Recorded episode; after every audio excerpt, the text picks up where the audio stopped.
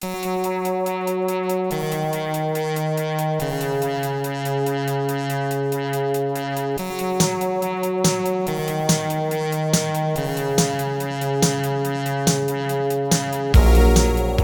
to First Draft with me, Sarah Enni. Today I'm talking to Heather Cocks and Jessica Morgan, the duo who together run the truly incredible Go Fug Yourself blog, and who also wrote YA books Spoiled and Messy, and most recently released The Royal We, a delightful royal rom com of a book that is being adapted for film by Lorelai Gilmore, I mean Lauren Graham, and Mae Whitman. Insert praise hands emoji here.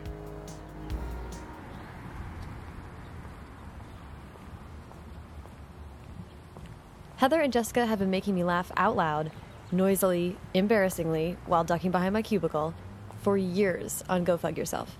They really are like two bodies sharing a single mind, and that mind is clever as hell. I felt so lucky to be able to meet them in person at Jessica's adorable place near Hollywood and quiz them about co writing, the time honored sport of royal watching, and how they got to be so damn delightful. So mute your Dallas rerun, pour yourself a strong drink, and enjoy the conversation.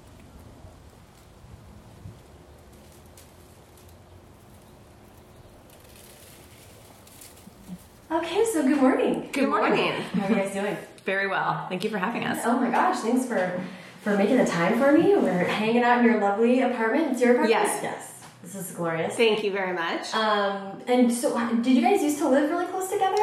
I'm trying to remember. I mean, we used to both. This is Heather. I used to live on. We both used to live on the cool side of the hill, I suppose. um, but I, I think our friendship was really born on the internet. Um, so theoretically, when we first knew of each other, I was living in Texas. Oh, she was living out here. Okay. So the magic of the internet. We'll get to that. All right. let's do first. Let's introduce um, each other. So go ahead and, and say your name and a little spiel. Okay. Um, I am Heather Cocks. I am one half of the um, author blogger duo of Heather and Jessica, or the Fug Girls. Uh, we write the website Go Fug Yourself, and I'll let I'll turn it over to Jessica to talk about the books. Yes, we have a new book out called The Royal We, which is about an American girl who uh, goes to England for a year abroad and she falls madly in love with this great guy who just happens to be the heir to the throne.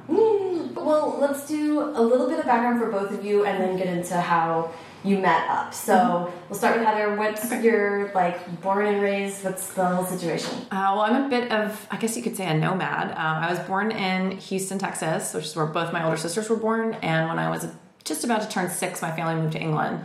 And we lived in England for about seven years, and then we bounced to Miami for a couple years, and then to Canada. Like, my family doesn't move like down the block. Um, so I finished, I did high school in Canada, and then I went to college at Notre Dame in Indiana. And after that, you know, when I was at Notre Dame, I worked uh, for the student run independent newspaper. It's kind of empowering to have to make the buck stops with you. You have to make all the you know moral decisions all the editorial decisions all of that stuff really you grapple with that yourself and it's on you if you screw it up and i was a journalist for about a year and a half out of college in austin texas and uh, was meeting up with some people who were getting into the this this online journal scene which was so new in 1999 um, one of whom is um, Pamela Ribon who Pamie.com was one of like the early online journals. Early, she was an early writer on the internet, very very well known, and, and um, is a very successful writer today.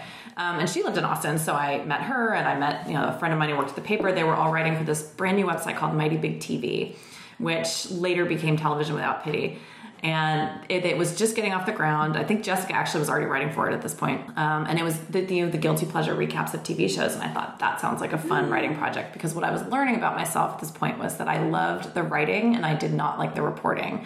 Digging around for a story, trying to butt into people's lives or like peel back the layers. It was, I was not so good at that um, from a reporting standpoint, but I really liked putting the words on paper. So, um, Let's then let's Yeah. Jessica catch up to there because I want to talk about TV without pity. Yeah. Excellent. Okay, so I um, grew up here in California, in Los Angeles. I'm like a eighth generation Californian. Yeah, I grew up here. I then went to UCLA, so I did not go far for college. Um, my degree is in English literature. Um, and I had a lot of like kind of all over the place writing jobs when I graduated. I was writing for Television Without Pity was sort of like my side fun gig. I uh, I had a job working for a company that did like online stores for NBC and CBS and all of the major networks, Playboy, MTV. It should still be in business.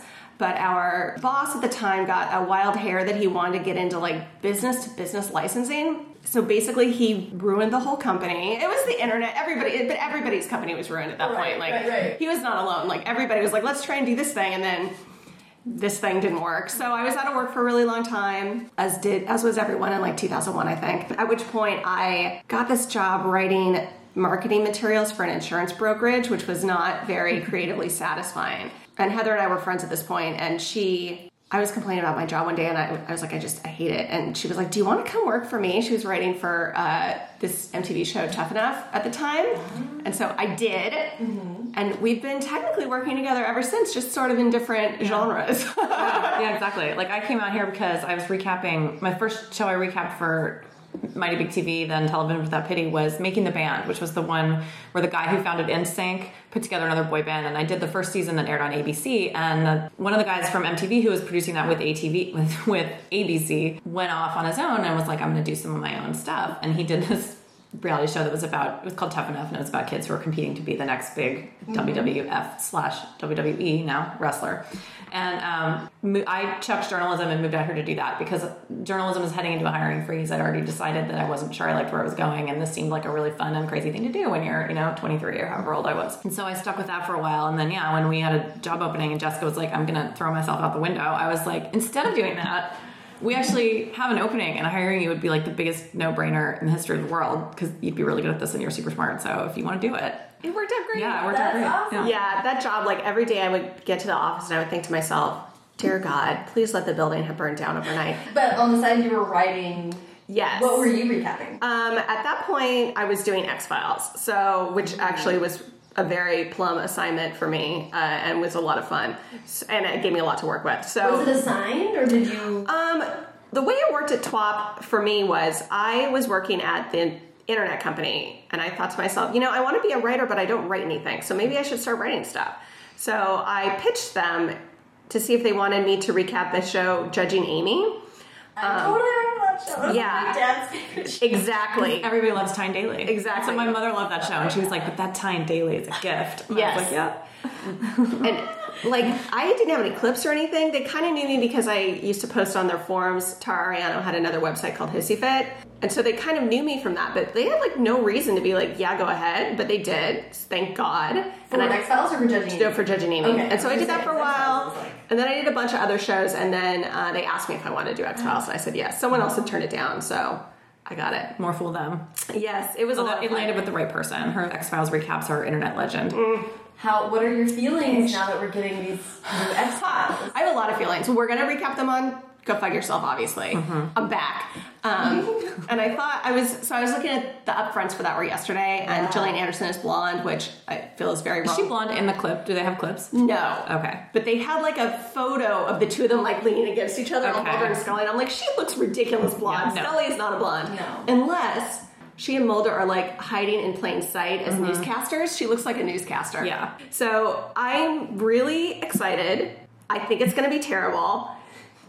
And I can't believe I have to recap it again. but like I'm excited to for, to do it, but I'm sort of like I can't believe I have to do this again. How is this not over? maybe we should warm up with the movies I've already recapped the movies. did you oh you didn't for Television no that's Company, right I forgot that the movies were that long ago Yes. So I'm excited. The the action figures are coming out of storage. It's going to be fun. The Television Without Pity archives were almost annihilated. Yeah. Like it was saved by the skin of someone's teeth, right? Yes and no. I think they are still online, but if you go through Television Without Pity, they've changed all the bylines to just say admin. And in many cases, I think it's just the first page of the recap. So it looks like they're there, but they're really not, which is incredibly, incredibly bad faith to me. But somebody, um, one of the recappers, Kim, I think, is aware that if you go to like brilliantbutcancelled.com, They have it all up there. they have them all up there with the proper bylines. And I, I haven't searched that myself. I think maybe you went, but I haven't gone yet. So I haven't seen exactly how extensive it is. I haven't gone looking for, you know, my obscure Wolf Lake recaps oh, from UPN, the show that was like a decade ahead of its time because it was all about werewolves in Oh a small town and like paranormal stuff. And it had, it starred Paul Wesley from Vampire Diaries back when he was named Paul Wasilewski. So it was literally, and it was the show that everyone was like, this is the most ridiculous show ever, but it was kind of surprisingly all right. And then it, it turned out to just be literally a decade ahead of. Yeah, if it were on the CW right now, paired would- with Vampire Diaries, it'd be a big hit. Yeah. But yeah, it's sort of a shame that those were gone. Um, like it's a lot of work for that people put into. And you know what? The truth of the matter is, I've said this often, but also other TV crit- critics have said it as well that the TWoP recaps are kind of a resource if you're a TV writer. Like, I occasionally will be like, oh, what happened in that X Files episode that I had to look it up for some other thing I was mm-hmm. writing? I'll be like, oh, I'll just look at my recap. Yeah, because it uh-huh. was from before. Now, you know, you Google scandal recap and you get hits on every website in the world, and how extensive they are depends on what website it is, obviously. But like, you can find it. But back then, that was that was your one stop shop. That was Yeah. it. it. It is. It's like a bible for every TV show. Mm-hmm. And I hadn't realized how many people whose blogs and who I follow now is like they're actually like working for Vulture or whatever. Right. These people got their start. So there. many people. Yeah. Linda Holmes and When the Holmes yeah. sort of just sort of like came out of the woodwork when this was going to be canceled and like holy crap it had such a huge impact on what we all consume now or know as media coverage now It's kind of interesting to look at everybody who used to work there. And like Linda Holmes came to our book signing in DC, and we we talked to her. We didn't get to talk to her as long as we would have liked to have spoken to her. Um, but we were kind of saying that like it's really crazy to like look back at where so many people ended up, and you know none of it would have happened for any of us if we hadn't written for TWoP. Mm-hmm. So I think we're all, or at least I know Yeah. Heather and I are extremely grateful. Yeah, I mean, I can trace my life to that. Basically, I wouldn't have moved to LA without that. I wouldn't have met my husband, had my kids. I wouldn't have met my wife, and had our business. We wouldn't have written our books. Like I owe a lot to that. Yeah. That one, someone's someone's brilliant idea yeah yeah that I got to be part of. so let's go back to tough enough i'm dying to hear Yes. more so it was show running or what was exactly were you doing there We were running the story department, so um, Heather was running I was running the story department. I did. I, I did not run it. It was we had it for three seasons, and then MTV canceled it, and then the WWF picked it up, and now it's they just awakened it again. Really? Chris Jericho is going to host it. Oh, all right. Um, and they do like a whole live thing, you know. But for when we started, it was I was I was a story producer, so you know my friend Richard Glatzer, the late Richard Glatzer, he directed Still Alice. He just died of ALS. But he was a really really smart and cool guy and taught me a lot about story.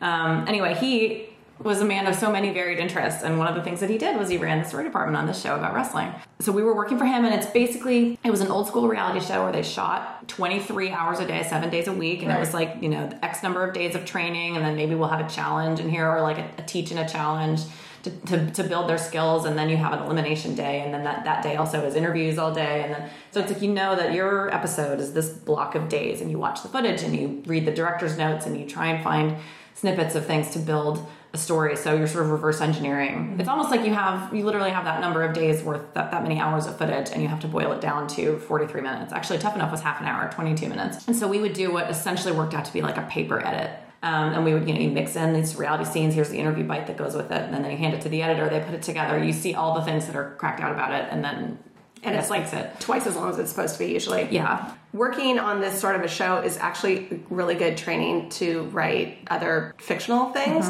because I think it teaches you a lot about story structure, a ways to tell a story in a way that makes sense to people. Yeah. After working on Tough Enough, I went on and I worked on a lot of a variety of stuff. I worked on a lot of really documentary type shows. Um, whereas i stuck with america's next top model which is in itself A documentary in its own documentary. way. I also worked on Growing Up Gotti, so I uh, I always say that I have like two shows that I pull out of my back pocket when people ask. One is um, I worked on 30 Days, which is the documentary show that Morgan Spurlock did for FX, the guy who did Super Yeah, Size yeah, Me. yeah. And it was about minimum wage, and it was like a very serious. We much like Tough Enough, we did film him like 20 hours a day. I worked on a docu series about residents at UCLA Medical Center. We filmed them for three years. One of our cast members went in a coma in the middle of filming. She's fine, but like that is like real dramatic stuff Yeah. that you don't have. So when people would be like, "Oh, this is all scripted," I was like, "You don't have to script something if you film people 30 hours a day." yeah But then, so those were like my high class, highbrow ones I worked on, and then I worked on, on Growing Up Gotti. So, you know, uh, the range of Yes. experience It's very funny though because usually at this fictional cocktail party, people will be like, "Oh yeah, mm 30 days," and then you say "Growing Up Gotti," and they'll be like, "Oh my god, I love that show." so people have guilty pleasure, and obviously everyone watched Top Model. So Top Model, Yes. It was a fun. It was a. It was a fun time. I mean, yeah, it really was. Everybody was so up in arms about whether reality TV was real because they were like, "What? You have writers?" People have gotten over it now, but now is the era when reality TV is, it doesn't even really exist anymore. It's it's less real than like back in our day. It was real. I mean, we really we all we were doing was distilling stuff, and we would get accused of not accused of, but you know, the websites would be like, "Ah, "That was so obviously faked." And I'd be like, it so wasn't. You're giving us so much credit, for, like for having the time and organization and Well, energy to thing. fake something in the field. You don't have time. Like when stuff's moving that quickly. There was mm-hmm. one episode in season three where they traveled to Japan in the middle of it, and they had a whole big travel snafu in the middle of it as well. So they did the teach.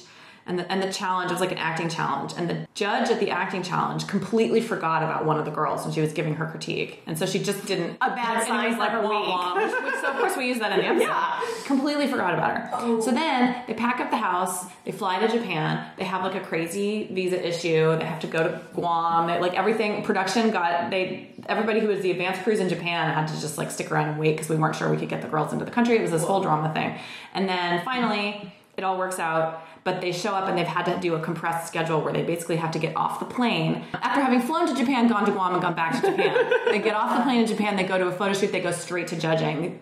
Everyone's exhausted. And at judging, Tyra forgets to give the same girl her critique. And so everyone, of course, is like, oh, you guys totally faked that. And I was like, you guys have no idea how much we did not fake that. It had never, it, nobody had the mental capacity No. at that point to even think about faking it. No one had briefed Tyra on what happened Oh, in the teacher challenge. Like she had, like oh. nobody had any idea. So it's stuff like that where you're like, oh, you know, back in the day, everyone thought everything was made up, and none of it was. And now people treat it like it's gospel, and it's totally scripted. Yeah. but I do think it really taught us a lot about how to.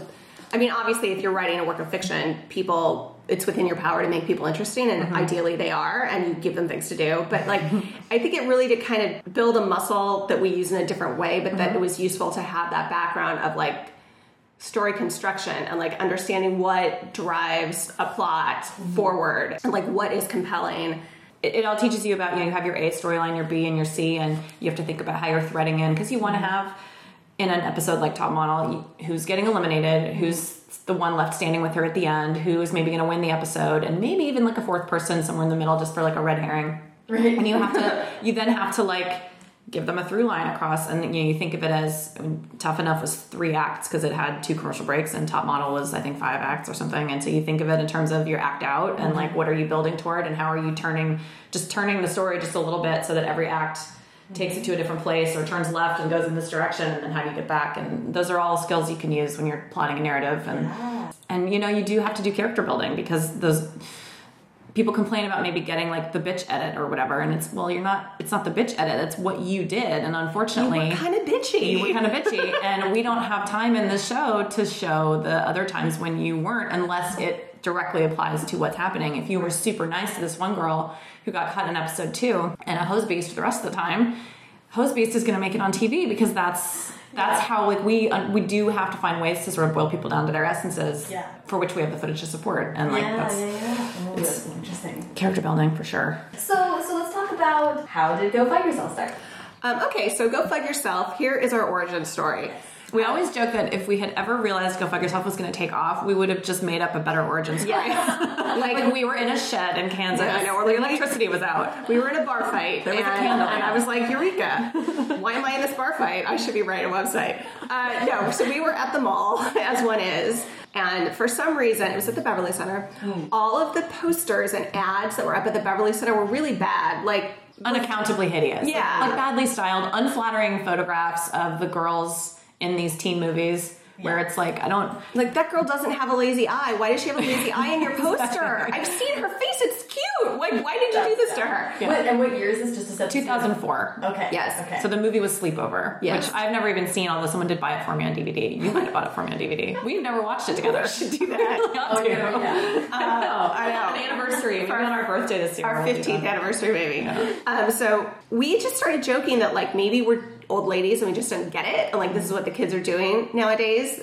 Um, that fugly is the new pretty, which was our tagline for a very long time, and we, because we were highly caffeinated, decided that we thought this was just hilarious, and we were really cracking ourselves up, and we just It just sort of spun out into like Yeah. because back in 2004 you know making sort of these joke websites it was kind of the equivalent of when people do gag twitter accounts now like Yes, you know totally. That's um, exactly angelina what it was jolie's leg or whatever and you know we knew some people who had some that were i think um, one that was from oh god what's the guy's name buffalo bill and silence of the lambs they had like a fake blog Yeah. that was written from his perspective i think it was really pam funny. and I think Steve it had Fogg. to be Pam yeah and Steve. Yeah. um, and so they were recappers who'd done that. And so we like having other little side gigs like were just for fun was was normal. It was it was it was a gag the gag Twitter account of 04. Yes. and um, That's exactly what it was. So we started the gag website just for fun. And we were thinking it would just sort of amuse us for Like a little while, it would amuse our friends.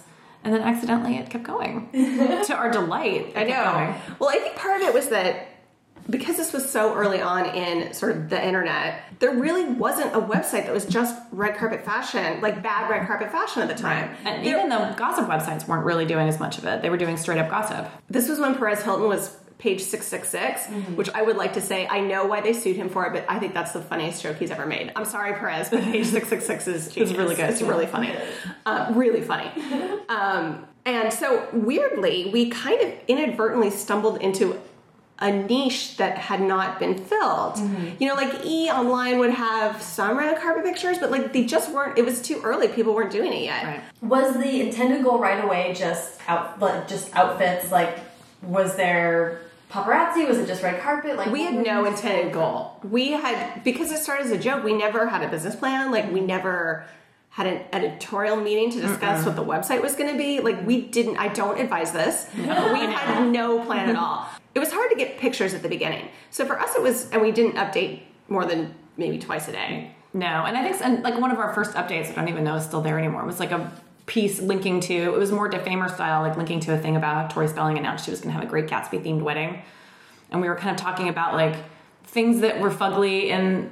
But it wasn't specifically like your fugly clothes. It was more like, well, this sounds like it's gonna be a hot mess kind of stuff. Yeah. And then quickly it distilled to like, oh well, the red carpet is where Yeah. all this stuff is, and that's how you can illustrate it. You need art. Yeah, yes. Um, it was always mostly red carpet stuff. Like paparazzi photos, for one thing, are really expensive. Um, so it wasn't really practical for us. And I mean, we only really do still even, it's mostly red carpet, some paparazzi stuff. I mean, I think for us, we don't want to talk about people like, I mean, unless they look really crazy, like going to the market. Right. Because, like, who cares what you're wearing when you go to the market? Wear your yoga pants to the market and, like, live your life. Mm-hmm. But yeah, we never really, we did not have a plan, nor did we have any sort of editorial review at the beginning. I really, I mean, nowadays you can't do that because there's so many websites that, like, Right. you kind of have to know what you're getting Yeah. into when you start it. Yeah. Yeah. But it wasn't something we started where we were like, okay, this is our two year plan for making X amount of money. Yeah. Like there was a point where somebody, a friend of ours who works in digital somewhere was was like, you guys could be selling ads on your website. We were like, what? No, that's crazy. And then And then we did. And then we were like, oh, he's right. he is really smart. So, like, we were right to listen to him. Yeah, exactly. what did it, did it start? I'm curious about like the tone and the voice and stuff. Were you writing blogs separately and then just like Yeah, we always write separately. Mm-hmm. Um, we still, I mean, obviously we don't write the book separately, but all of the web, all the posts on GFY we write on our own. Yeah. Like, we don't really even edit them. Like, if I see a typo, I go in and fix it. Right. But other than that, I read them before other people read them because I want to read them sometimes. But other than that, no. No, you know, we never really even discuss. See, this is something that we talk about a lot in interviews, and it's something that's sort of hard to distill. But like Heather and I have this thing where we sort of have a mind meld mm-hmm. where we are very often on the same page about stuff mm-hmm.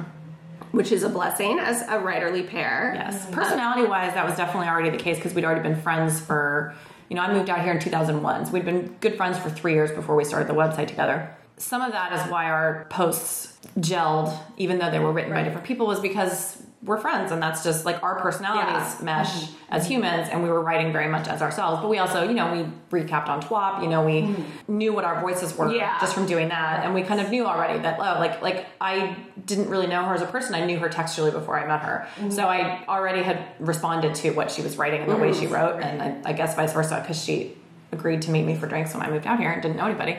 So it was almost like we, we pitched woo That's through right. our TWoP Well, recaps. I and uh, that's how we met. And then it, so Yeah. we already knew that there was a rela- like a relationship there. We already knew that it was compatible. It's funny, I remember um, before Heather and I even met, before she was writing, no, she had just started writing for TWoP. Uh, she had written an essay for Hissy Fit, which was one of their sister sites, about her last name, which is Cocks, C O C K S. the dirty way, as I like to. And and I remember reading it and thinking there was a line in it where she was basically like, "Whatever joke you're going to make, I trust me. Like I heard it. You've not come up with a new gag." and I remember reading it at my in my cubicle and thinking, "This girl's really funny." And then when you started working for TWoP, we there was a writers convention in Vegas, and you couldn't go because it was Mary Beth's wedding. oh, that's right. I remember that. But I didn't know. I now I know Mary Beth, but um, at the time I was like, "Ah, I said, Mom, she's not coming. Yeah. I wanted to meet that girl. So we did. It all worked out fine. That's amazing. Yeah. Yeah. Um, and you're like, I mean, you guys are working full time jobs and sort of watching this website grow in your Right. spare. I mean, you're writing. When are you writing blog posts? How are you? Um, let's be real. I was writing them at work, As was I. Um, we, we really weren't posting anywhere as much as we are now. Mm-hmm. Um, you know, back we were doing it when we were still taking watermark photos from Getty Images because we didn't get that that was a problem because we were like, well, your watermark is stamped right on top of it. Like, why do you care? It's like an advertisement for your website. Now they let people do it. Well, So- not if you're selling out No, their but- but yeah, back in the day, we now, Yeah. but we, in in a way, we kind of we often joke that we felt like Julia Roberts in Pretty Woman, where she walks into the boutique on Rodeo with all her cash, but she's a hooker. Mm-hmm. We were the hooker, and Getty Images was the boutique. And there was a point where we realized we needed to be paying for these images, and we were like, okay, we can pay for these images, and they were like, no, not interested. Okay, so we went and found a website that was like dailyceleb.com. I don't even know if it still exists, but they, does. for a ridiculously cheap subscription, they were letting us post. And so we would post maybe once or twice a day. I look back and I'm like, what were we doing not covering the Emmys extensively? But we didn't were know. going to we our regular just- job We were going to our regular job. So we would do when we'd figure if we, as long as we had something up, one Right. or two, then that was fine. And then the Wall Street Journal came calling for reasons I can't entirely remember. I guess just that we were a website that was on the rise Mm-hmm. and um, did a front page story on us. And for that story, they contacted Getty to ask about that. Ah. And they were like, hmm. And we got a Getty deal shortly Yes. thereafter. Thank you, Brooks Barnes of the Wall Street Journal. He's currently at the New York Times, Yes. but he he hooked us up a little Yes, bit. I I think. think that was. He's responsible. Yeah. Yes, So and he's he's lovely in all ways. So Yeah. That's awesome. Yeah, I don't even remember what the original question was. It was, oh, how often we posted. So, yeah, that was one of the reasons But we yeah, didn't we post that much, is because we just were. But we also had our day jobs. Yeah. So Yeah. it got to a point where in 2000, 2006 we got a book deal for a blog book, essentially. Um, I had come to the end of the show that I was working on, and I was like, I'm just not going to go back to it. Because we had this moment of realization that was like, we can't.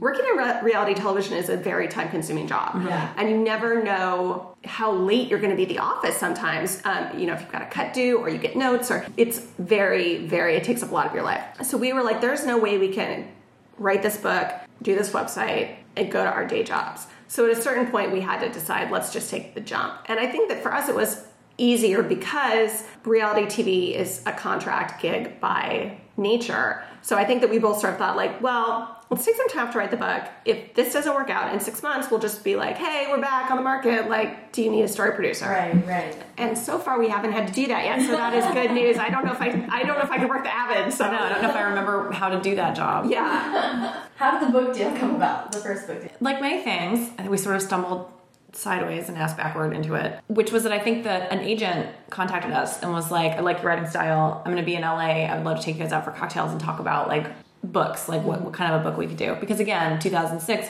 writing a book based on your blog was sort of like, yeah, people are doing that all the time. Yeah. Um, and we met up with him and he was great. His name was Scott Hoffman. We were very simpatico. I can't remember if he brought up fiction at that point as well or if he just was just talking about the blog book. But the two of us were sort of like, well, who the hell knows if this opportunity is ever going to present itself to us again? It would be really cool to work on a book. And then a book is something that we will have forever that, you know, Go Fug Yourself goes down in flames in a year or two, we will always have this book and it'll be kind of a memento of this thing that we did together that was really cool. Mm-hmm. So that was something that we immediately we were like, well, there is no reason in the world not to do this. You know, mm-hmm. we're we're always very careful not to say yes or no to anything too quickly, mm-hmm. you know, because we know ourselves well enough to know that I am I am particularly someone who sometimes I'll be like, no, no, no, no, no, we can't do that, and then she does. an, hour, an hour later I will be like, that's actually the only thing we can do. I got to a point where I just let it play out. Yeah. The big one for us was Messy when we were writing the second of our young adult books. The idea originally is that the editors had wanted a book um, that was less a sequel and more a companion. This was when companion books were like really happening for like six months. Yeah, and they so it's it's one of the secondary characters in Spoil. It becomes the narrator in Messy, and it's about her. And they'd wanted it about her, so we'd pitched them a book about her and an outline about her. And as we were writing the book, it was funny. It was almost like I knew this was the right choice. And then I said something to Jess at one point where I was like, "Well, we do have to write this whole thing from Max's point of view because I think." It's, it would be too weird to have another co-narrator. I just think that would be really strange. And really, yeah, yeah, yeah. So we start writing this book. The first one has like- two narrators. Yes. And so we get to chapter three, and all of a sudden I'm like, God, this book is so boring without we really need we really, we really need a co-narrator. Yeah. We needed to be Brooke, and it, and it became a book that was both of their stories, and that was and it was a it was a better book for it. It was great, but it was one of those things where I don't even know why either one of us was like, well, no, we have to do the whole thing from Max's point of view. And it was almost like the germ of the correct idea was in there and it just came out as we can't do that. Yeah. And then, no, no, wait, we actually can. So it's we're always very careful to talk things through, which sometimes leads to 17 hour phone Oh conversations. So, okay, I do want to talk just a, little- a little bit more about just actually Go Fug Yourself. Right. Sure. um, before we get to too much more book stuff because I'm really fascinated about how how um, the writing for blog and all that stuff like leads into fiction and, and how it's functioning in your creative life. Television Without Pity is, as the name would imply, like this is something that people slaved over and worked on and created and presented for critique. So you can be really merciless about it and not mm-hmm. feel bad. Then you transition to this blog and it's about people and their appearance in some ways. So I think in an interview you said that it, you were a little bit meaner, maybe snarkier back in the day, and you sort of evolved your tone. Mm-hmm. Totally. So I'm just curious about how that came about. Where you what are, what are your like debates about? Well, that? Some of that honestly just comes from maturing as people, Yeah. as much as anything else. You know, especially when you have. We were somewhat used to writing, knowing we had an audience just from being television without pity. But when you with a new subject matter, sometimes it's it, it was not unlike when I was working at the paper at Notre Dame. Like you, you when the buck stops with you, eventually you have to figure out what your policy is that makes you feel comfortable, and you have to make the mistakes and screw up and learn from that. And that's kind of what we did. I mean, it's not like we. It's not like we made a huge mistake somewhere and got in big trouble and we're like, oh my god, we got it. But you know, sometimes you just start to realize, like, oh yeah, okay, I, I'm feeling like this is setting the wrong tone. It's kind of came through a bunch of stuff. One of them is just like kind of being more mature people and realizing that like maybe you don't have to turn your bitch level up to 12. Um, I'm old now and I've totally mellowed with age as part of it. But I also think in like 2007, the internet was just there was like a lot snarkier. I mean, obviously there are lots of very snarky, mean places on the internet still, but like the height of Defamer and like Perez Hilton was really hot then. It was a and like also that was that crazy summer that Lindsay Lohan went to jail. And Nicole Richie drove the wrong way down the 101. Everyone was flashing their lady parts. I was gonna say Britney was shaving her head. Yes, and Right. so like that. I still think there's going to be like an oral history of that summer one day. It's going to be amazing because it was the best summer for Hollywood gossip ever. Mm-hmm. But everybody, I think, was in a frenzy about like these vacuous celebrities are getting an intense amount of attention, and I think there was a lot of anger is strong, but there was a lot of vitriol floating about due to the immense amount of Paris Hilton I think we were getting that I think made everybody Yeah. snappier than maybe they would be. And I think as time has gone on, people have kind of gotten that out of their system.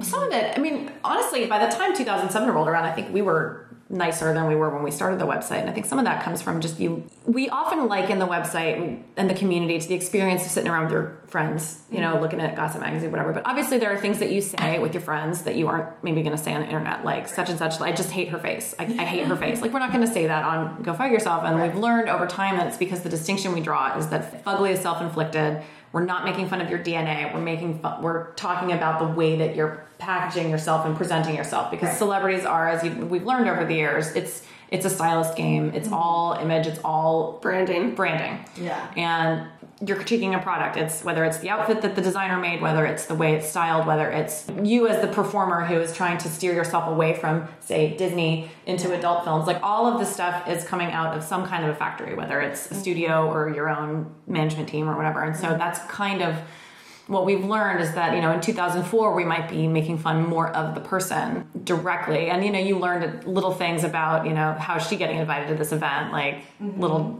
dirty jokes about that or you know maybe commenting on whether a person's too thin or whatever grows into something that's more okay but we're looking at something that's not being presented by accident we're looking at somebody's strategy and so i don't lose any sleep over critiquing an outfit somebody's wearing on the red carpet because i know that how much thought went into that Yeah, and I mean, I think that's one of the one of the reasons, as I said earlier, that we don't really do like. Here's Teri Hatcher going to the supermarket. Like, she's just going to the market. That's not germane to our discussion. Right. Unless Teri Hatcher goes to the supermarket wearing like a barrel on her head and a coconut bra, in which case you're like, Teri Hatcher decided to go to the market to get some attention in her coconut bra. Let's talk about that. Yeah. Um, yeah, so I mean, I think for us, it's been sort of a an evolution of what we feel like is appropriate. I just read, I think, I forget what it was about, but I read, I think Jessica, you made a comment like, "I'm so ready for this trend to die because I'm stop, I'm done talking about it." We both said this, I think.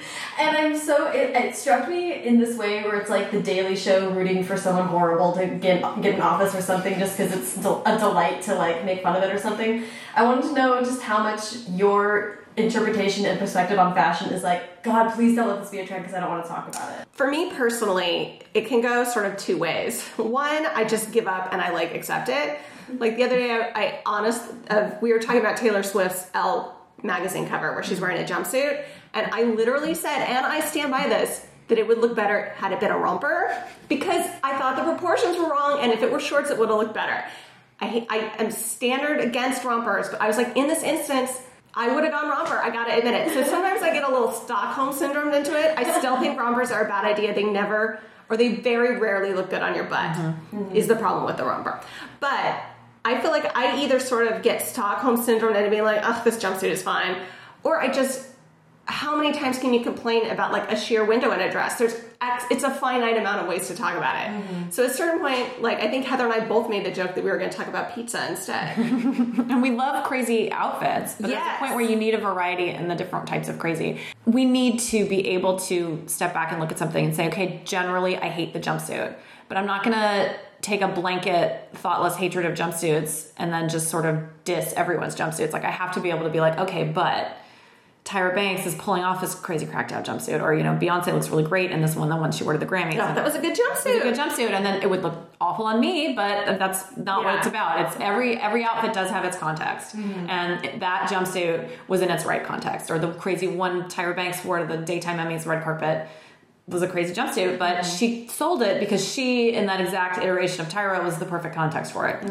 So I, I think I've tweeted this at you guys before um, because, by the way, I've been reading you guys since I was in my cubicle like five years ago. Aw. Lifesaver. Oh, good. Um, but I have uh, I had a friend whose dad read. Um, this is my Miami Herald comedian writer Dave Dave Barry? Dave Barry. So I had this friend whose dad was obsessed with Dave Barry, and she was like, "My dad has this Dave Barry laugh. You can tell he has this whole different laugh, and it's just for Dave Barry." and I was like, "I have a Fug girl laugh." Oh, I love And that. I mean, in my cubicle and just like tr- like I think people thought I was crying because like trying to contain the laugh.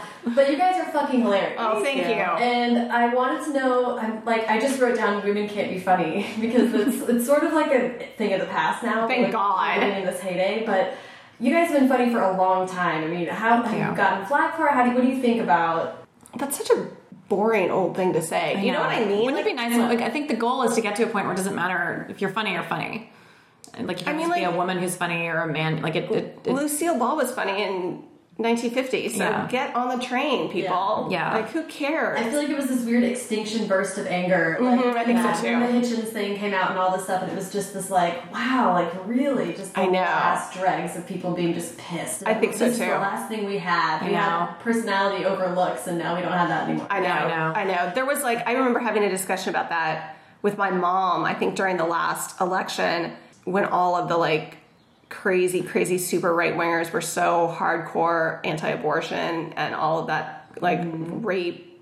Doesn't a woman's body have a way of shutting that down? Stuff was happening when we were all like, just sh- you guys need to shut up. Yeah. And she, my mom and I had this conversation where it was sort of like, these men are so angry because they realizing that things are slipping away from them mm-hmm. and they're just holding on and they're mm-hmm. really mad about it. Yeah. And I think that's what's going on with that, with the whole like women aren't funny thing. Like we can all be funny. I know. It's fun. Humor is not a zero sum game. Um, so I want to sort of like take little steps to get to the narrative and writing fiction, Right. Which is, can you just talk about the weird sub like lives that celebrities live on your site? So the, Yeah. the fictional turns that you've taken with J Lo and Kanye and all of the and, and George Clooney the intern, and I just want to know like how this started and how you felt about sort of taking this interesting turn and creating new worlds within your world. I think this is one of the reasons we ended up getting to write fiction because, uh, you know, when we went out with the GFY book, we got people who'd be like, oh, this isn't right for us, but if they ever want to write a, a novel, like, we'd be interested. And I think it is because we have kind of created little fictional characters for real people on the website so that editors were like, oh, yeah, they, they can do this. It was never like a conscious decision that we were going to do that. I think that's just kind of how we operate.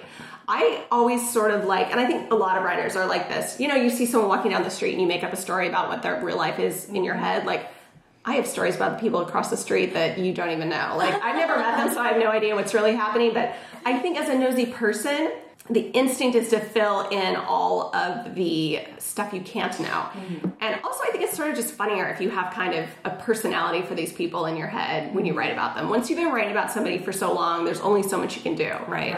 Exactly. or with a trend. Like sometimes you just need a different way in. I haven't feel like I haven't done as many of those in a while because I've been doing the like GFY Kanye or whatever, and I haven't done some of the old school, just like a picture of two people and you make up a dialogue. Oh, Yeah. Um, but sometimes, and sometimes it comes from a really good picture. Like there was a dialogue I did at one point where it's Kim Kardashian, and her dress is really not that much. It's actually a perfectly nice dress. It's a Valentino, and it's just like I think it's like a minty green, and it's very basic, and it looks fine on her. And she's sitting in a fashion show next to Valentino, and he is super crazy tan and is As kind of like crazy looking, and she's just Kim looking, you know, kind of stone faced. Yeah. And something about the juxtaposition of those two was so classic that I was like, otherwise I would probably ignore that outfit, but th- this is amusing to me. And Yeah. so let's just publish it and we'll just do a little dialogue and it'll be fine.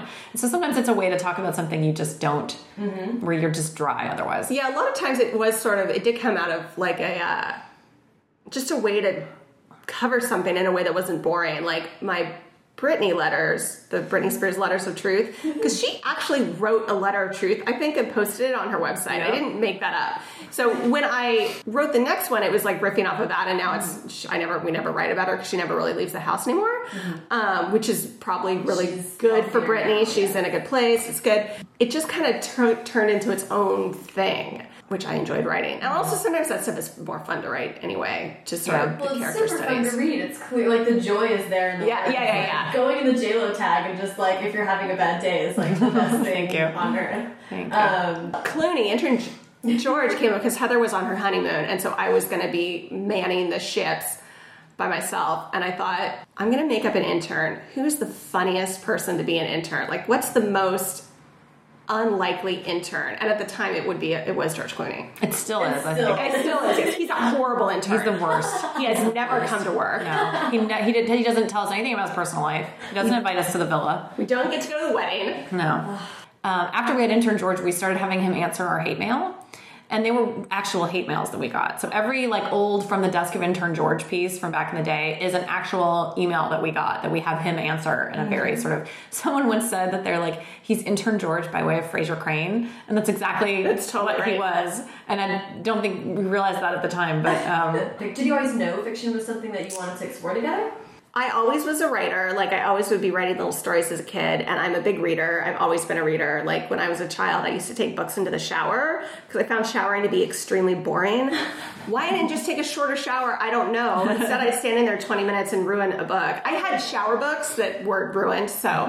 Or why didn't I just read the back of the shampoo bottle? I don't know. My parents really indulged me in this. So I have always been a lover of books, but I don't. I was never a person that was like, I'm going to be a great novelist. Like I just never really thought that. That's just not how my brain ever Yeah. worked. Um, but I think that when people would come to us and be like, "We'd love to see fiction from you," we were like, "Oh, we would love to do that." Like I think that uh, the Royal We is our third novel, and it is just as thrilling to like hold your book in your hand. Like I love my Kindle, I love my e-reader, but like there's a thrill to being able to like hold a book that you wrote and see it at a bookstore. Like it's been a great thrill of my life. When so people were like actively asking about fiction for you guys. When did the story come to you? When did it actually sort of become like this is real? We're gonna give this a shot. After we finished the Fug book, we came up with the idea of something that we thought would play to our strengths, which was sort of the Hollywood parody mm-hmm. and then a young adult tone. Bandied about the idea, and we had I remember various brainstorm meetings in various houses, and then we wrote our sample chapters. They were showed them to Awful. They were awful. They were a mess. But that's fine. I think that's and I think that's normal. They should have been Um, awful. They should, yeah. yeah. The first thing you write, I remember I was taking like a kickboxing class somewhere years ago by a woman who worked for who wrote for Angel, and I remember somehow Such we got to LA talking. like sentence, right? Somehow we got to talking, and she was saying something like, "Oh, I got into writing," but she was like, "I was really nervous, and you just have to accept that it's the first thing you write is probably going to be terrible, and it's fine, and nobody's going to read it and never let you write again. It's mm-hmm. fine." Yeah. And that's kind of what we did. It's like I think our our agent was like, "You've never done this before. Write some sample pages, show them to me," and I think it was okay. There's things in here that suggest to me that you can do it. Mm-hmm. We threw you off the pier. You didn't drown. Let's try again. I'm, I'm curious about how the actual bones of putting it together, you did trade chapters back and forth, then take turns at Um, how did yeah, basically, Done it all. here is how. Let's talk about the Royal Weeks. That's the new one, and it's more interesting. For pre for the other two books, we could sort of write concurrently. Uh, for all of them, we have to have a super detailed outline. Um, I know that there are solo writers who just sit down and see what happens. We don't do not work that way, and I think that if you are a pair, it's that would be logistically extremely risky. So what we do is we write a super detailed outline of everything that happens. I mean, not like this is going to happen in the drawing room of Buckingham Palace, but like major events, um, emotional turning points, everything. Um, and then basically one of us just starts. We write, write, write, write, write till we get sick of writing. Um, and then we just ship it back to the other person, usually with notes like, "Oh, I this is where I was going. This is what I thought." Mm-hmm. You'll see that I compressed these two scenes together because I realized that they should have this should happen at the same time. And then the other person just go they edit all that bit. They go through all of the change and move, rewrite, mm-hmm. and then they write their own hunk, like write, write, write, write, write, mm-hmm. until they get sick of it, and then they ship it back. And this one was a lot more complicated than spoiled and messy in terms of people's motivations and feelings and and how to weave in the stories. Like we had ideas of where all the secondary and tertiary characters were going, but we didn't necessarily know when and how and why exactly. Mm-hmm. And so there were points where like we'd be so we'd sort of slowly build to that, and then there would be a point where one of us would write section and something big would happen, and we'd be like, this just felt like emotionally the right place. And if we keep this here, then I think our markers for them are in the fourth section this happens, and then the fifth section that's where they are, you know. And it's but see what you think, and like Yeah. the other person might be like, that's great, but like you have to keep in mind, like, okay, but is that logical and does that undo something else? And if it does, that can be okay. Like we have our roadmap, we can deviate if we need to, but as long as we know roughly like where we need to go as you write, you just need to keep track of each other to be like, does this still make sense? Do we still feel like they're going where we need them to go? Um, and if they're going in a different direction, is that actually the better direction? Like, did we accidentally stumble on something that makes more sense? And so let's make sure we can Yeah, I mean follow that, path. Like, if we're gonna take that short, take that shortcut, make sure it gets you to the Right. right town. yeah, exactly.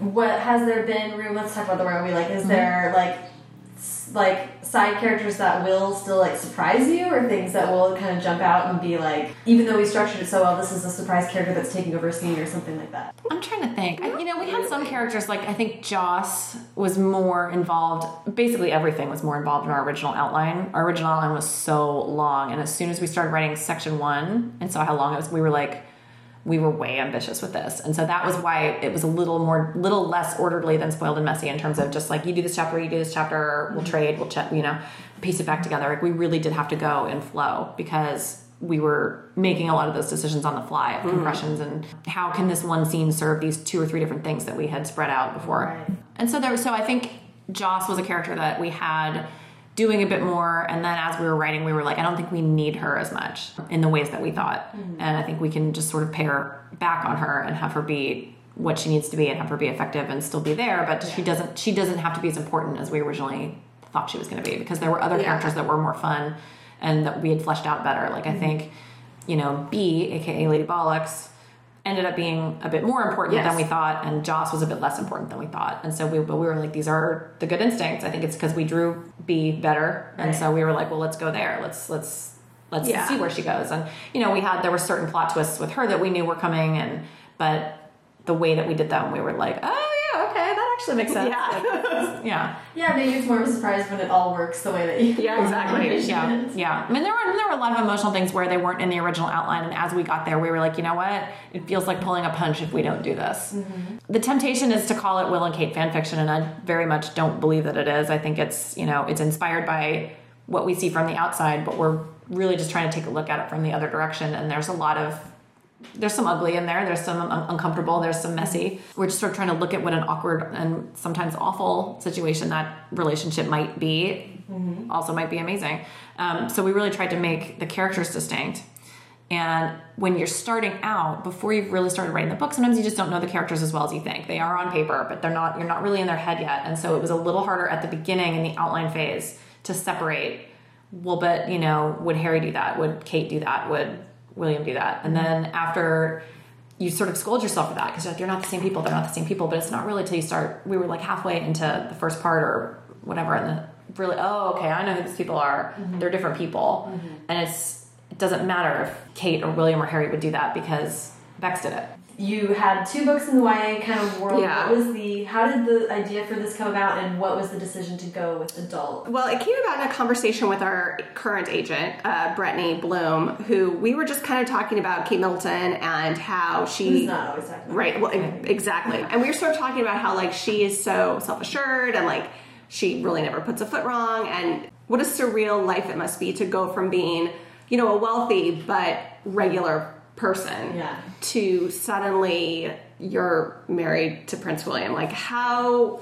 What that journey must have been like, I think was fascinating to us. And Brettne was sort of like, someone should write that book. And we were like, someone should write that book. Oh my God, let's write that book. Um, as far as sort of the demarcation between young adult and YA, we didn't really ever make like a conscious decision to write an adult book uh, as opposed to YA, but this story naturally lent itself to to the adult audience because you know it ends when they're nearly 30 so Frankly, it ought to appeal just as much to like the 65 year old grandmas who kind of dig the royals and think that Kate Middleton looks like a nice girl, mm-hmm. um, as it would to maybe even a teenager. Mm-hmm. But we talked about it a little bit. We were like, well, if we said it if it was like a, a boarding school in high school, and then we were like, but then there are no stakes. It feels like he's the prom king and not like the future king for real. So let's not do that. Let's mm-hmm. keep it. let's- and you can't really write a contemporary young adult book we're always going to start it the day before the wedding so like and then the whole book is as you know well four fifths of it is flashback and then we catch up to, to current day but like you you can't end a young adult contemporary book with people getting married really or begin it with people getting married. Yeah, exactly. Right. So, especially, so it just it, it just didn't fit within the genre. I mean, I think we really enjoyed writing YA, and it wasn't a conscious choice that we wanted to get out of that marketplace. Mm-hmm. But we also really enjoyed writing an adult book, so it was uh, the right decision. Yeah. I know you did tons of research, Mm-hmm. but also just being like a royal watcher for many years. I'm guessing you guys have always been sort of following. Yeah, I mean, it Royal. certainly was not. This was not a topic that Heather or I were jumping into totally blind at all. So we had to do a lot of research, I think, because it was important to us to make the world feel real. Yeah. Um, we very much did not want people to read it and be like, well, that's wrong. You obviously have no idea what you're talking about. Like, as we were talking about the Royals on E, where they don't care about that, but it makes me crazy. And I just think we wanted it to feel as grounded in reality as possible. It's such a, honestly, like, in many ways, although it is based on something that really happened, is a fantastical thing to happen to your character. That we want the rest of it to feel really realistic. Yeah, and there's just so many different ways that a book can lose you, and we really didn't want the setting to lose anybody, or we didn't want people to feel like where are they, you know, and, and we wanted it to feel like lush and rich, but not like over, not overdrawn, so that you're just like, you know, our first draft was really long, and I think we overdid some of the scene setting, which is good because it's way easier to take out than to add. Mm-hmm. But it's like you know, you don't want people to have to leaf through like ten pages of scene setting, but you want it to be enough. We fought to keep in a lot of details because we were like you know we we went to buckingham palace. It's not a place that people can get into that often because they don't do tours that often. And like it's not necessarily that we just are anxious to show our work. It's more like people haven't been in that building and we have a character who's going into that building. It would feel a lot better if we'd been in there and we can sort of speak a little bit to like the, the flourishes that make it unique like the gold fire extinguishers or the lamp cords that still hang from the wall that sort of spoil this otherwise perfectly like you know all the outlets are paper are match the wallpaper and everything mm-hmm. like but then there's still like a power cord hanging down and that's dangling you know or there's a lampshade that's crooked and it's like all those little details are sort of like oh it is it's it's a home like any other. It's like mm-hmm. but it's it's just this it's just got this layer of majesty that you know others don't and i we, we wanted to make sure that we could make those places feel real without necessarily like hanging a bell on it and being like guess where we went you know Right. um, and i think going and seeing and doing is the best way to to do that you go and you see you throw in what you can and then you make sure you pare it back to the right amount When it, well, when it comes to royals, reality is stranger than fiction with so much of the Totally, details anyway. yeah. So it's like you wouldn't want to make it up, nor would you have to. Like some No. of that stuff is totally crazy. Yeah. Yeah. I mean, Will and Kate themselves, like we we hew a little bit to the ups and downs of their relationship, and some of it's because it was so it was it was very interesting. Like it really was that she met him in college and they dated and they briefly didn't, and then she was way to Katie, and then all of a sudden they got engaged, and everyone was like, "We love you," and that flip, and then just imagining everything that it took to get to that moment, and how there's no way that it wasn't meticulously planned and very careful and here's what you can do and here's what you can't do and like the things that you give up to have that were just all so interesting that we were like well yeah let's make it a bit more sweeping let's follow the ups and downs of a timeline like that of how like you don't just meet your prince and then hang around and suddenly you're married like sometimes there's there's plenty of time and space for things to go wrong. Well, it's sort of not that dissimilar from uh, from Spoiled and Messy. Well, Spoiled in particular, just because you have the two perspectives. Hollywood getting to write both from someone who is like, "What is this? How is this real? You guys are all crazy," and then someone who for whom this is a total reality. And Yeah. this, the stakes are real, and this is a you know this is your family and your life, and so getting to like play both sides of that, which I imagine is what you spend a lot of time dealing with writing for the site every day. It's like this is important and I care about it. Also, it's just a dress. Yeah, totally. Yeah. Uh, well, I guess I don't have a pointed question. is that like that seems to be something that you're interested in exploring in a lot of different ways? I mean, I think we are naturally interested in the kind of the classic fish out of water story, um, which I, a lot of people are interested in, and it is a classic trope for a reason. And I think that for me, I find exploring sort of these fantastical worlds, whether it be your dad is the biggest movie star in the world or your grandma is the queen. For me, I find it interesting seeing an outsider's view on that. I think it's even just as a, like a writerly sense, it's kind of a neater way to get to explain the trappings of the world rather than taking it from sort of the like blase this is just how my life is mm-hmm. character i mean that being said and spoiled i think brooke is really interesting and very funny and my favorite character in the book and she obviously it is her her life but i don't think you could have told her part of the story without having that outsider to kind of not butt heads against but like reflect the differences So what is next? What um, what are you guys thinking? Are you brainstorming? What are you? What would you like to do? we don't know yet um, It's funny because I think I know there are a lot of writers who can just do that, especially young adult writers, because I think there's an idea that your audience is only a young adult for so long, and so you need to turn out as many books as you can while they love you um, before they grow out of you or something. Which I actually think I, I never grew out of young adult, so I don't know why, but I understand theoretically why they do that. And I am not such a machine, and I think some of it's because we do so much typing on a daily basis Yeah. that when your vacation from typing is typing something else, it doesn't really feel like a mental break. And we only really put this book away. It came out yeah, April. this is the thing. Came out in early April April. 7th. And we had put our we had sent the like proofed pages with our final, final, final tweaks january 6th January sixth, Oh, which wow. is like half the normal amount of time between when you finish that thing and your Yeah. book comes out. Like we really, it was tight Yeah. because we were really trying to hit this deadline because we felt like initially we had said, well, their wedding anniversary is in April, so if there was any kind of a tie-in thematically, it would be with that. Wouldn't it be great if they had a baby though? That would be dun really dun nice. dun Dun, dun, dun. Thank you baby. guys um, You put it out there in the universe like a We secret. did. did. I like you know in, in many ways I think Jessica and I got her pregnant. we do thank them in the acknowledgments for having Princess Charlotte. yeah.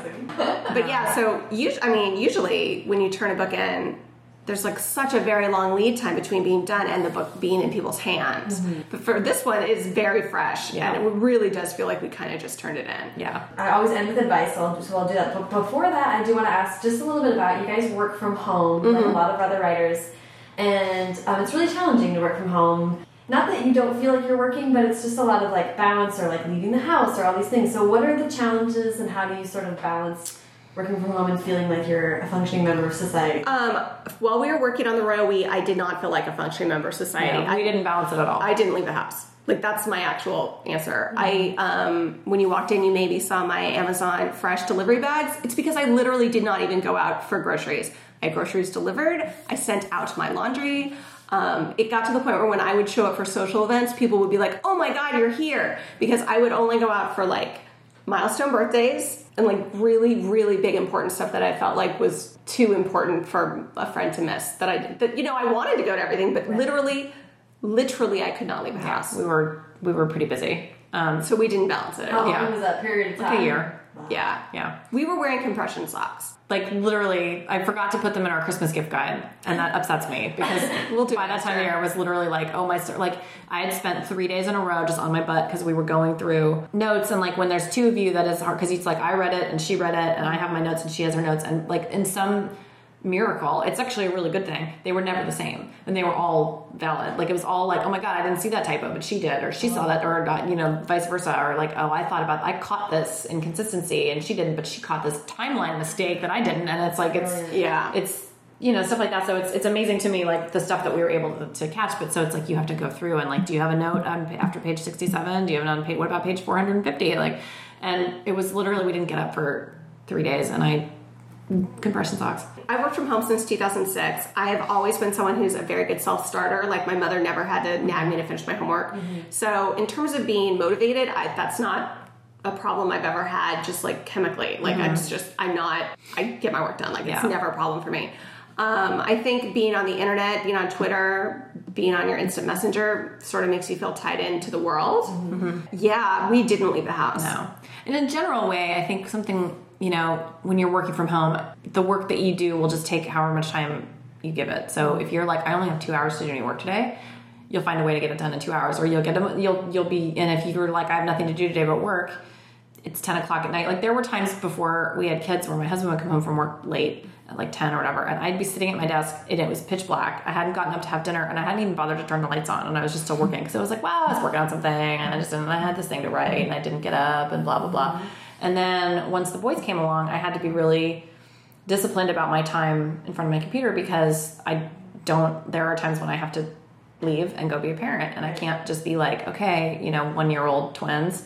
You just sitting in here, mommy's gonna go on her desktop computer and type me if you need anything. Like you just you and I don't want to be that kind of a parent. So I was like, okay, there are certain hours when I'm mom mm-hmm. and I have to do my work before that and I have to do my work after that. But I also have to go to the grocery store and I have a doctor's appointment. And if I ever want to go to the gym, I have to do it then. And like even if you you have all these other distractions, sometimes they're a blessing because you just build your time around them in a way where you're like, well, it, I have no choice. They have to get fed. This work has to get done. Mm-hmm.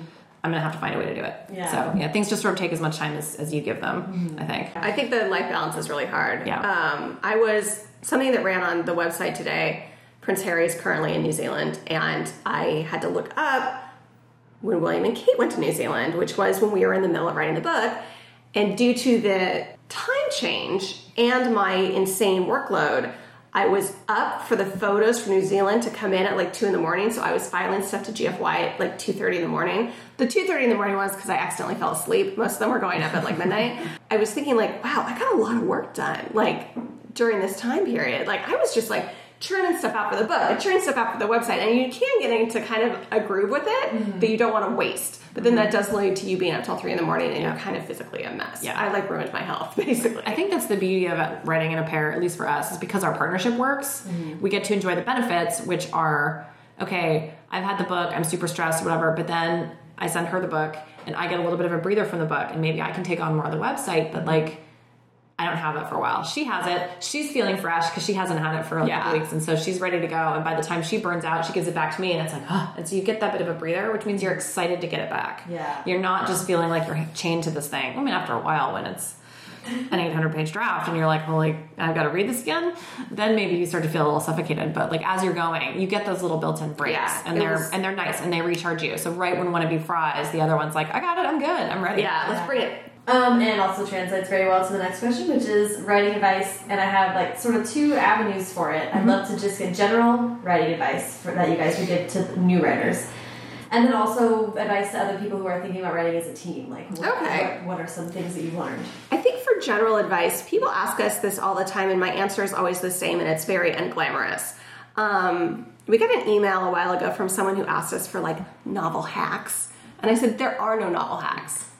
The hack is that you sit down and you type your novel, like, start mm-hmm. writing. Like mm-hmm. there isn't a trick. There is not a trick. Mm-hmm. Sit down in front of your laptop and start typing.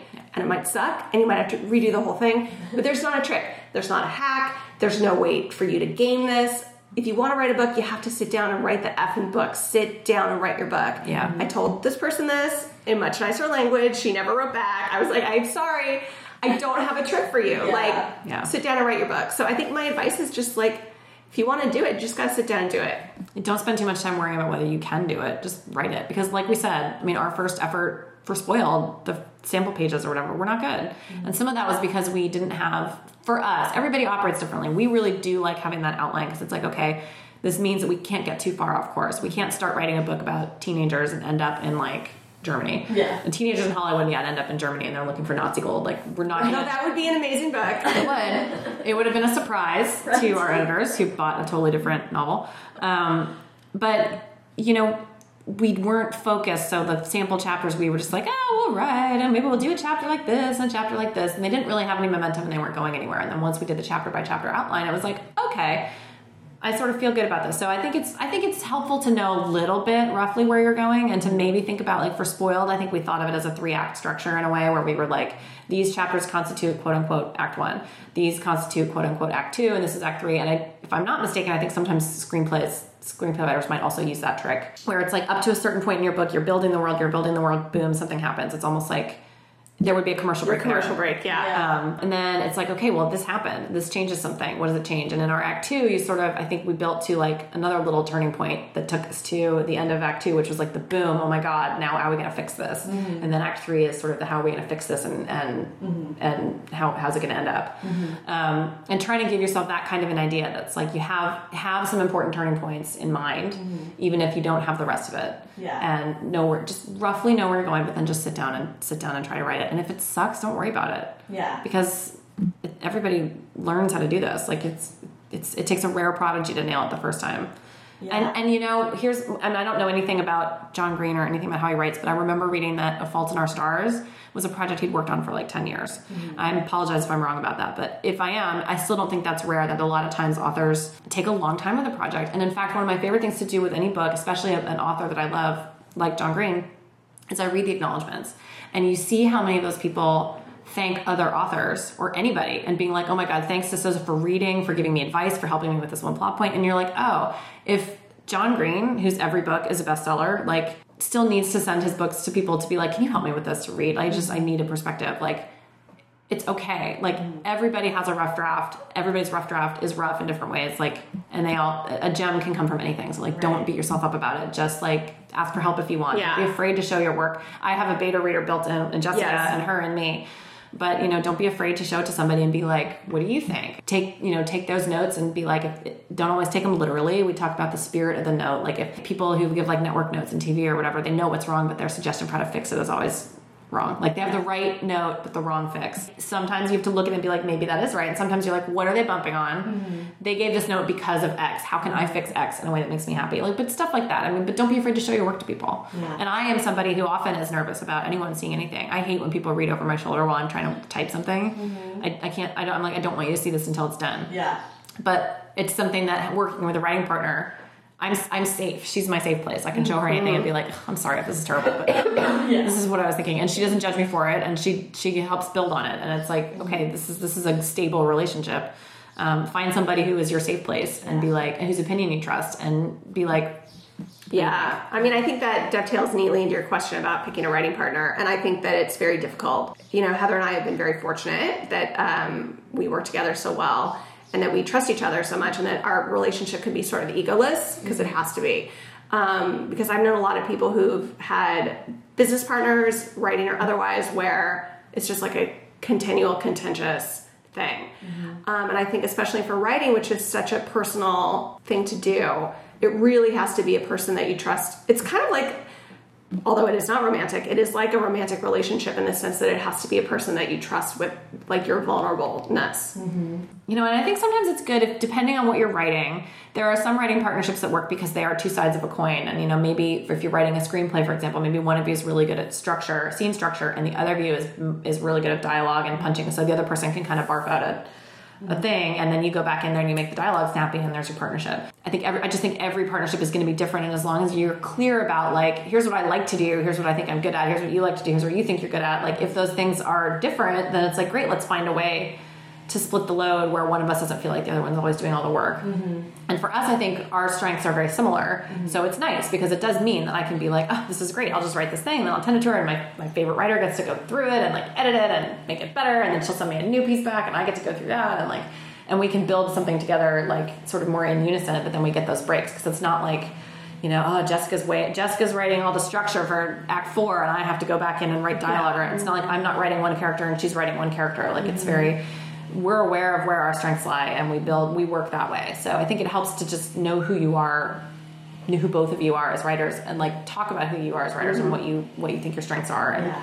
and try to work with that that's that I, I think it to be really does sort of help you from feeling so isolated mm-hmm. when you have a writing partner. Mm-hmm. Because writing can be a very solitary process. i know Yeah. So- and it is this myth that and we wrote about this a little bit on the toast like that the myth that all creative work is solitary and that there's no collaboration like you know single people do get nominated for scripts for Emmys for writing a script, mm-hmm. but you know, there's a writer's room. There's a whole room that helps brainstorm some of that stuff, mm-hmm. and it's it is it is both a solitary and a collaborative process. You know, and then screenplays often go through several drafts with several different people. Yeah. So many novelists have people that aren't credited on the book as having written it, but who, like Yeah. as we we're talking about acknowledgments, nonetheless, like really Yeah. played an important part in figuring out this big problem I had in Act Two or Yeah. whatever. And none of it diminishes the work that has your name on it. None of it means any less of it came from you. It just means that it doesn't have to be alone. When people wonder why we work together, it's like, don't you think you want to write something on your own? And it's like, well, not really, because I don't think a book with just my name on it would have any more value to me than a book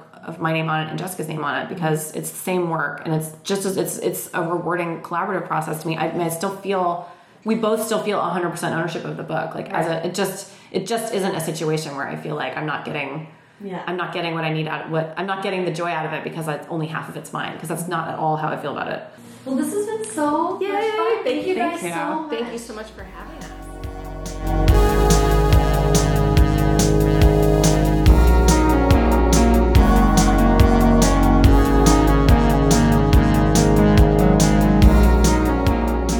Thank you so much to Heather and Jessica.